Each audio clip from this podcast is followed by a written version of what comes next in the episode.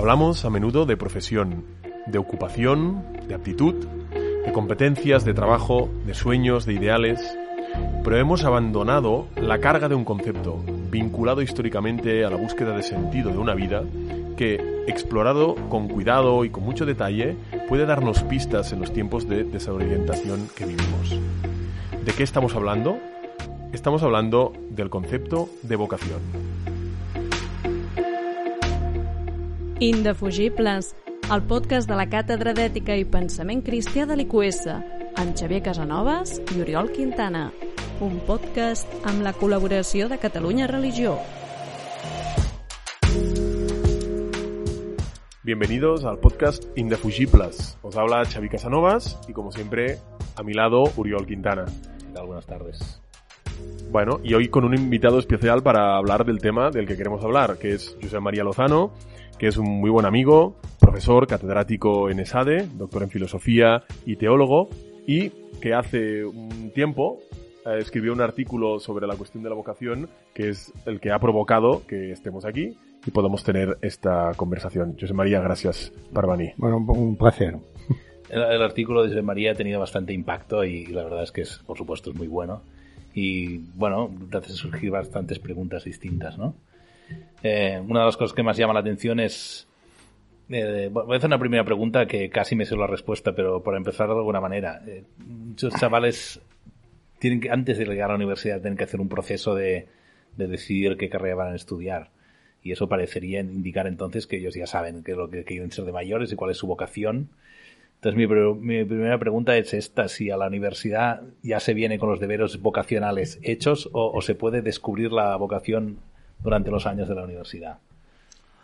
Uh, bueno, mm, no, no, no, es fácil a, abordar esta cuestión, entre otras cosas porque es que a la universidad llegan sin tener como referencia la palabra vocación, o sea que ni, uh, ni, deberes ni nada, ni nada por el.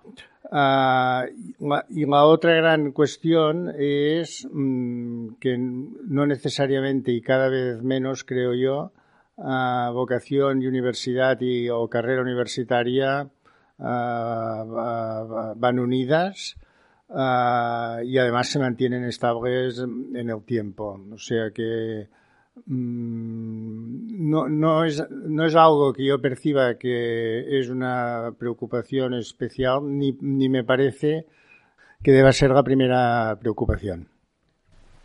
Entonces, eh, lo de, lo de pensar tanto tiempo en qué carrera vas a estudiar, si tú, tú, no lo ves como necesariamente conectado con la vocación de uno, entonces estamos como sometiendo a los, chavales de 17 y 18 años a una presión un poco ficticia de tener que escoger algo que debería estar como abierto en esos años, ¿no? Uh, sí, sí. Eh, sí, entre otras razones porque uh,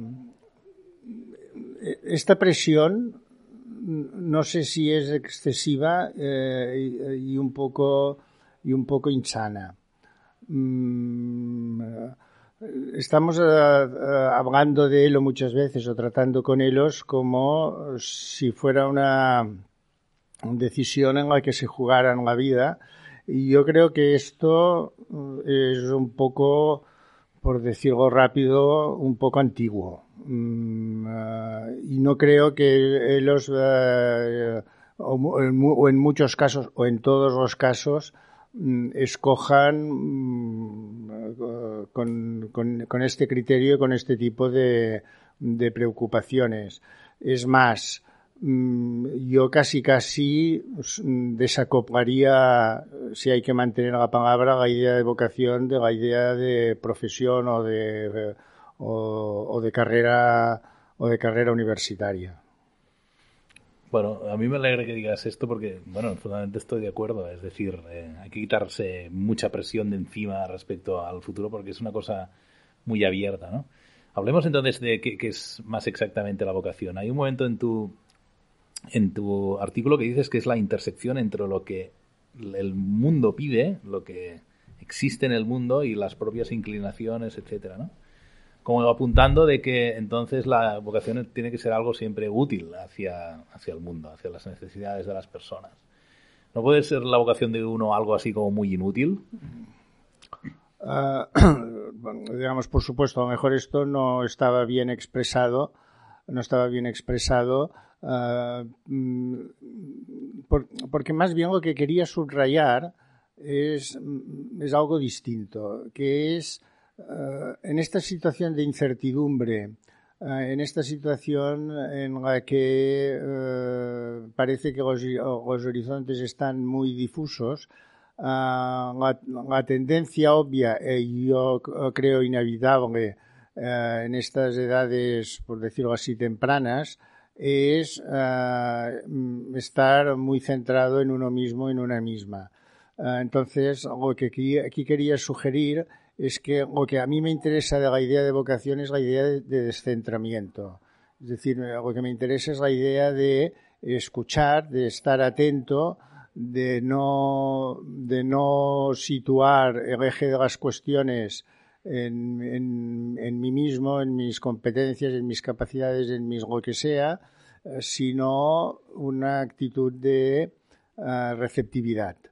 Uh, y esto es lo único prácticamente uh, que me interesa y que me parece que tiene sentido de la palabra, que en sí misma creo que tiene poco sentido para los jóvenes de hoy. Por tanto, uh, lo que llamas vocación mm, es que yo creo que se sitúa más allá de lo útil y lo inútil. -huh. uh, se sitúa en el ámbito de, de aquello que orienta un cierto propósito en la vida, en el que, por supuesto, puedes tener 50 años y no haberlo aclarado todavía. O sea, que no es una cuestión directamente ligada mm, a la edad y, ciertamente Mm, yo no lo plantearía en términos uh, universitarios, porque, dicho sea de paso, también puede ser otra forma de autorreferencialidad. Es decir, pen mm, pensar también la universidad desde los problemas de la universidad y no desde los problemas de la gente uh, y de la sociedad. ¿no? Entiendo, pero, que la vocación, de alguna forma, se tiene que trabajar o que estas preguntas que vienen de fuera uh, piden de algún tipo de respuesta. Y, claro, en la universidad, aunque tú ahora nos decías que sería mejor desligarlo, uh, es un sitio también donde encontrar respuestas sí. en la universidad, ¿no? A pesar de ello, hoy en día parece que lo que importa no es tanto estas respuestas que uno puede encontrar o las preguntas que se puede hacer, sino las competencias, ¿no? Estamos obsesionados con el tema de las competencias, de adquirir competencias y parece que Uh, demasiado a menudo la universidad acaba siendo solamente una forma de orientación hacia el mercado, de tener aquellas competencias que el mercado me pide, el mundo me pide.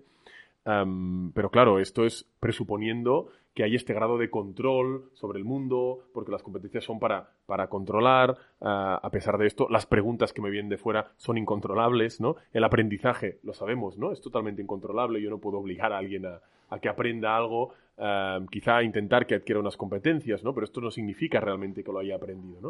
Es decir, ¿cómo detallamos o cómo entendemos un poco mejor esta diferencia, ¿no? Entre competencias, lo que la universidad da, lo que el mercado pide, el mundo pide, y, y las preguntas que surgen a lo largo de una etapa, que es la etapa de la juventud o mm. primera juventud así o juventud adulta, uh, que tiene mucho que ver con la vocación. Mm. Mm. Uh, a ver, aquí hay bastantes cuestiones superpuestas. Uh, una es que inevitablemente la universidad mm, tiene mm, uh, que formar o, hacer de puente para la, vida laboral o profesional. Esta, esto es algo que dábamos por supuesto y que con última, bueno, con los últimas, con los cambios que estamos viviendo hasta cierto punto se está diluyendo. Es decir, la gente puede tener acceso y acceso a ámbitos profesionales de, nivel uh, sin haber pasado por la, universidad. La universidad no, ya no automáticamente es una fuente de acreditación, pero no puede dejar de serlo. Uh, y por tanto, desde este punto de vista, mmm, digamos, esto es inevitable. La pregunta me parece a mí no es tanto la universidad, sino qué proyecto de, universidad, qué, uh, qué, manera de entender la universidad. Uh, y, por tanto, qual és la, la visión educativa, la manera de entender la educación eh, que subyace a cada diseño de, de, una, de, cada, de cada universidad. En función de esto aparece, se, se pondrán unos acentos uh, u otros. Tampoco me gusta mucho la tendencia a contraponer uh, mercado y misión, mm, que esto es algo que constato, constato a menudo. Primero, como si dar respuesta adecuada al mercado no formara parte de la, misión. Y en segundo, y en segundo lugar, porque precisamente lo que podemos entender por misión en la universidad no, no puede ser un ámbito separado, sino que ha de estar integrado en todo. De todas formas, y para volver al tema de la vocación, a mí me parece, incluso desde una perspectiva, digamos, de, tradición ignaciana, que es donde estamos, que yo le daría mucho más importancia a, la idea de elección que a la idea de vocación. No están desconectadas, una requiere de la otra, pero yo creo que la cuestión clave es que la universidad, eso, eso sí, es un espacio en el que consciente o inconscientemente continuamente se ofrecen recursos y se vende a, la gente uh, unos referentes uh, que acaban desembocando en elecciones, como decía, conscientes o no. Yo jugaría más la partida en la cuestión de la elección y además porque me parece más cercana a la manera como viven sus problemas a las personas que se acerquen a la universidad eh, que a la cuestión de exclusivamente de, de, poner todos los huevos en la cesta de la vocación. Mm. A mí me parece que la clave es la elección porque en todo lo que hacemos en la universidad estamos proponiendo pautas, modelos, recursos para que las personas puedan hacer una, una cierta eh, elección o elecciones en su vida. Entonces, uh, la pregunta por la vocación yo creo que aparece um, como consecuencia de la pregunta sobre la, sobre la elección y no como pregunta por sí misma. Entonces, ¿cuál, cuál, cuál es la diferencia entre vocación y elección? Hombre, vocación, vocación puede llegar a tener, y para algunas personas lo tiene, un componente uh, pasivo, receptivo. Mm, eh, es algo a lo que yo me siento llamado y a lo que puedo responder o no. La vocación Uh, ahora no, voy, no, nos vamos a poner en cuestiones filológicas, pero la cuestión es, está mucho más centrada en la, la, llamada, la elección. Si está conectada con la vocación, pone el acento en la respuesta y en cualquier caso es eh, tomar opciones, uh, es tomando de, de decisiones en las diversas encrucijadas de, de la vida. Yo puedo tener, sentir una llamada y no responder. En cambio, la elección tiene un componente, desde mi punto de vista, mucho más, uh, mucho más, uh, mucho más activo. Insisto en que no lo desconectaría, pero a mí me parece que, las, uh, que la clave de la vida se juega um, en, la, en la elección o en las elecciones Uh, y, que, y que por otra parte, um, insisto en este punto, uh, porque, me, porque me sorprende un poco, yo jugaría más a la educación en clave ignaciana en el terreno de la elección y uh, que, que presupone la vocación que en el terreno de la vocación como tal. Y después porque me parece que puede haber distintos registros de vocación. Uh, puede, puede, centrarse en casi, casi, en elementos de propósito o orientación de vida, puede centrarse en aspectos más profesionales, que en definitiva es una parte de la vida de las, de las personas.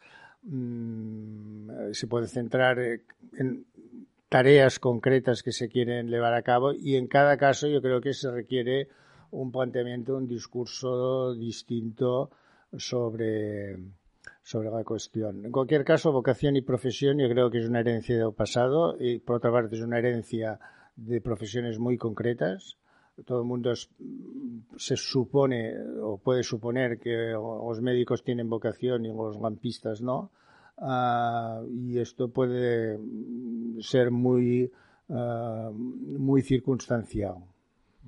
Claro, si ponemos el foco o el centro en la elección, como ahora pedías, lo que nos encontramos hoy es multiplicidad de mundos posibles para elegir. Por ejemplo, en el ámbito universitario de titulaciones. Ahora ya no es ciencias, y ¿no? ciencias o letras o yo hago humanidades o hago una carrera de, ciencias. no, no, ahora tienes un abanico espectacular de titulaciones que escoger, incluso dentro de la misma titulación, de asignaturas a las que tengo que optar, de momentos en los que voy a tener que decir entre múltiples opciones. Si las posibilidades aumentan, se multiplican, eh, entonces esto dificulta, dificulta esta elección, dificulta poder tomar decisiones o no. Bueno, lo hace más, lo hace más complejo. Uh, para hacer una broma, uh, José María Terricabras uh, una vez me decía, um, la gente di dice yo soy de ciencias o, doy, o, yo soy de letras cuando lo que debería decir es yo soy inculto. Es decir, es, esta dispersión um, primero va con la realidad que vivimos y por tanto hay que pensar la realidad y no uh, proyectar en ella uh, nuestros marcos uh, mentales. Mm, es verdad que hay mucha más dispersión, pero también es un tipo de elección muchas veces con menos, con menos trascendencia. por tanto, es más, muchas veces decimos, y les decimos a, a los alumnos en nivel de grado, pero en nivel, a veces en niveles su, uh, superiores, en posgrados, casi casi mm, que si se descubren que se han equivocado, pues no, no pasa nada y que replanteen la, la situación. Cada vez hay más personas que en etapas Mm, ya no digo a nivel de grado, en, posgrados uh, o incluso más, más, allá, reorientan totalmente uh, su vida o reorientan el tipo de formación y, por supuesto, reorientan el tipo de actividad profesional que al cabo de 15 años a lo mejor no tiene nada que ver con, con los estudios que realizaron. Por tanto, es verdad que, la que, hay una gran proliferación de, de, opciones a escoger, pero el foco no está en las, en las opciones, sino en el sujeto. O sea, la, cuestión importante, me parece a mí, es cómo educamos al sujeto mm, para, sea, para que sea capaz de mm, vivir esta situación uh, sin estar arrastrado por ella y, uh, y convirtiendo esta situación en un aprendizaje sobre cuáles son sus uh, criterios de elección. Insisto que en este punto tiene sentido hablar de vocación, pero mm, desde, mm, desde mi punto de vista más desde el acento del descentramiento que desde el, desde el aspecto de mmm, acertar con algo que será definitivo, porque lo único que sabemos es eh, eh, que las decisiones que tomen no serán definitivas desde el punto de vista del contenido. Pueden serlo desde el punto de vista de la opción y el sentido, que es lo que más cuesta de elaborar.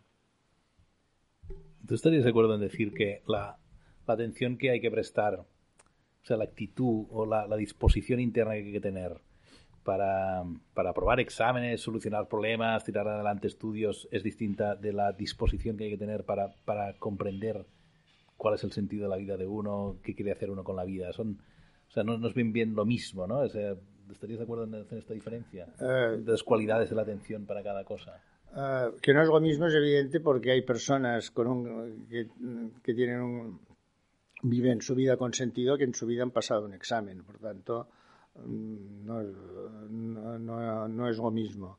Uh, no es lo mismo en cuanto a materias y contenidos, etcétera, mm, hay, hay, una, hay una cuestión importante ahí que es, uh, si hablamos de atención, es justamente, mm, eh, eh, digamos, esta, esta capacidad de, de apertura eh, y de no respuesta automática.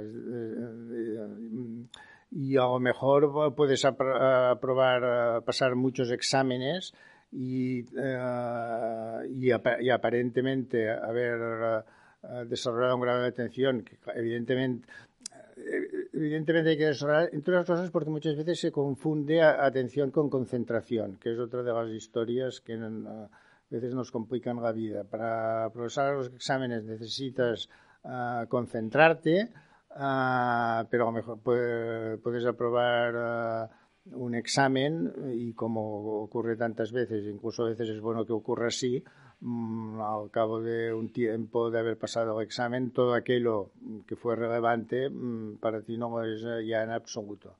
Por tanto, mmm, yo situaría el tema más en el enfoque más global de propuesta educativa uh, y esto yo creo que es otro, vuelvo a decir, que es un espacio en el que las universidades pueden diferenciarse. Las universidades no se diferencian por titulaciones, porque al final las titulaciones pues, son, son el, documentito que te, que te, acredita.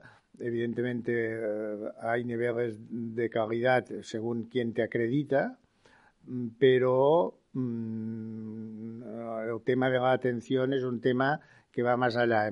Yo creo que empalma más con lo que Ignacio dice en los ejercicios de la capacidad de salir del propio amor, querer e interés, que simplemente de ser capaz de concentrarse en una cuestión determinada.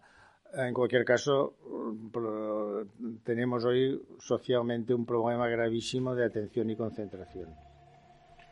Bueno, por desgracia se nos acaba el tiempo y no, este, podríamos discutir más rato sobre esta cuestión de la atención, pero bueno, solo nos queda agradecerte, José María, tu aportación de hoy y de nuevo muchas gracias. Gracias, Xavi Casanavas también y a nuestros oyentes, pues les emplazamos a la próxima edición de Inda Fuji Plus.